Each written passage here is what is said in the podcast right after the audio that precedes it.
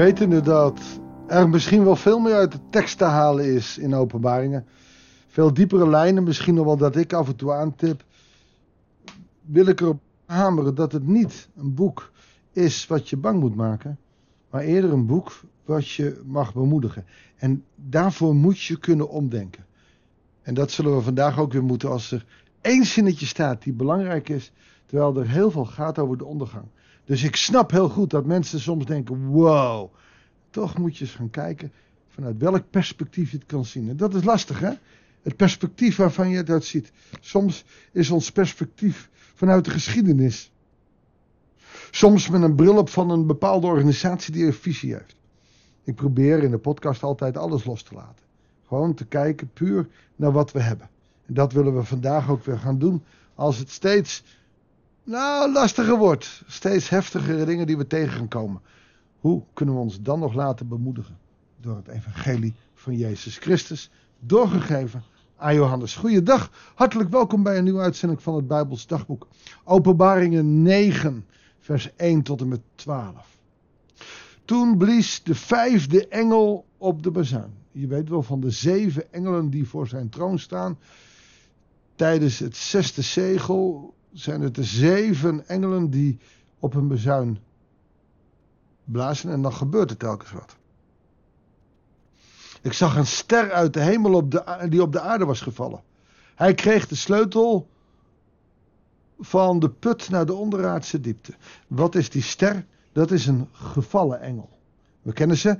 Dat zijn de engelen die bij God waren, maar gevallen zijn voor Satan en als demonen aan het werk.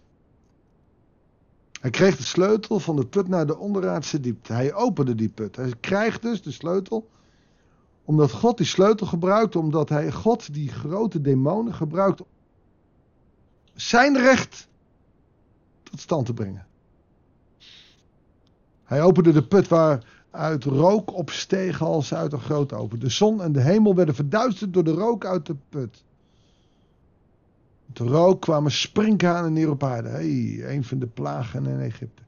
Ze kregen de beschikking over dezelfde vermogens als schorpioenen op aarde. Maar er werd bijgezegd, ze, mogen, ze moesten de planten, struiken en bomen ongemoeid laten. Waarin het dierenrijk en de aarde, de schepping in de eerste bazuinen enorm wordt aangepakt, zijn het hier alleen de mensen. Alleen de mensen. En welke mensen, en nou komt het, die niet tegel van God op hun voorhoofd hadden, mochten ze kwaad. Demonen krijgen tijdelijk de macht hier op aarde. Maar ze moeten hun handen afhouden van de mensen die het zegel van God dragen. Dan kan je zeggen, het zegel van God, dat is het doopwater, je moet volwassen gedoopt worden, bla bla. Die discussie ga ik zeker niet aan. Het zegel van God is dat jij je hart aan de Heer Jezus hebt gegeven. Dat jouw leven gereinigd is door het bloed van het lam. En wat was het teken toen de engel des doods rondging in Egypte en ook in de plek waar de Joden woonden?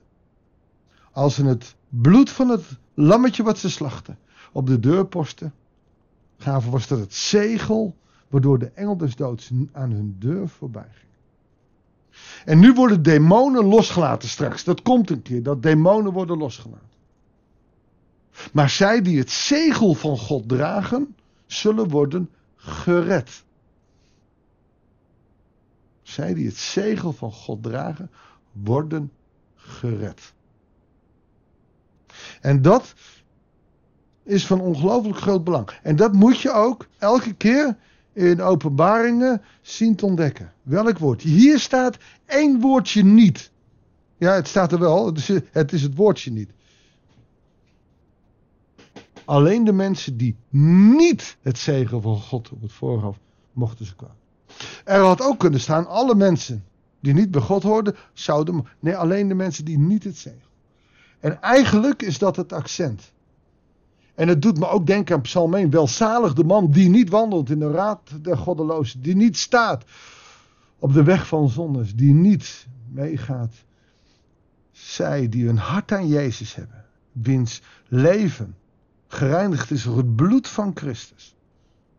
Zijn dragers van het teken en het zegel van God op een voorhoofd. Dat heeft niks met doopwater te maken. Dat, dat mag een onderdeel van zijn.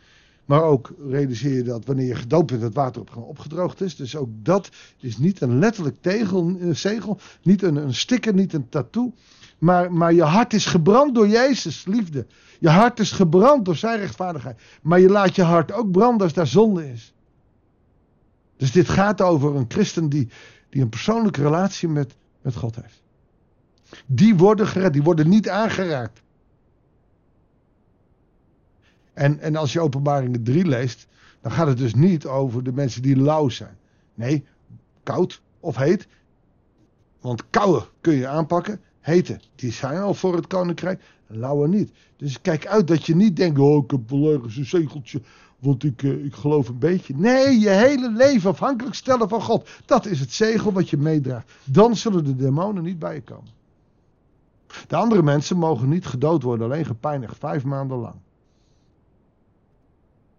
Die mensen zouden pijn moeten lijden alsof ze door schorpioenen gestoken waren.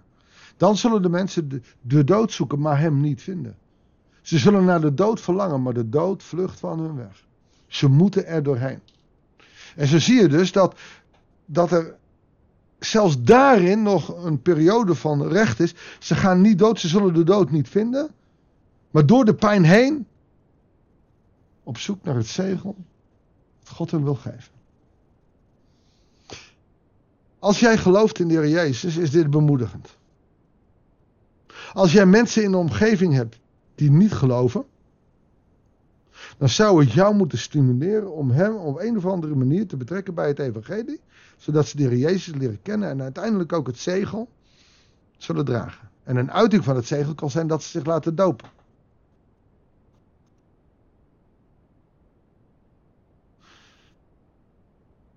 Nou, dan onderbreekt uh, Johannes Steven, dan, dan gaat hij uitleggen hoe de sprinkhanen eruit zien. Ze leken op paarden, die waren toegerust voor de strijd.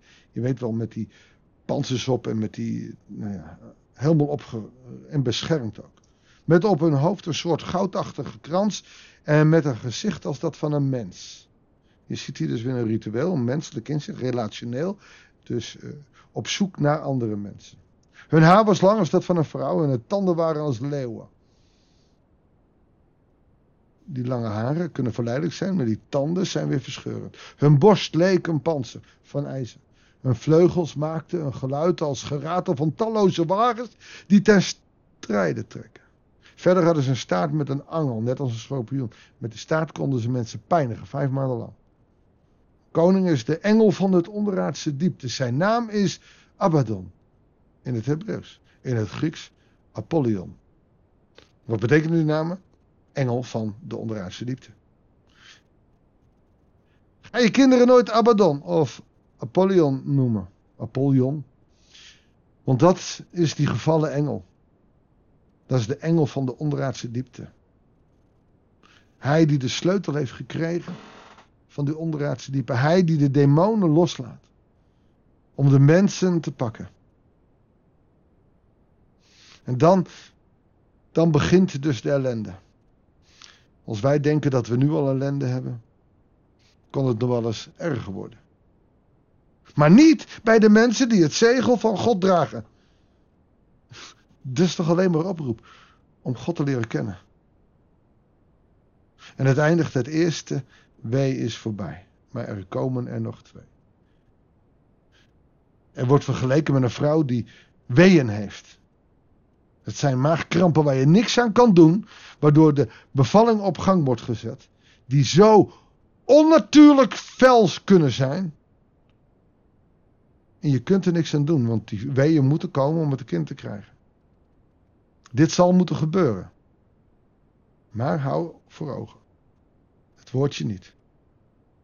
Alleen de mensen die het zegel niet dragen, zullen aangepakt worden. En dat doet me zeer. En laten we dan voor die mensen bidden.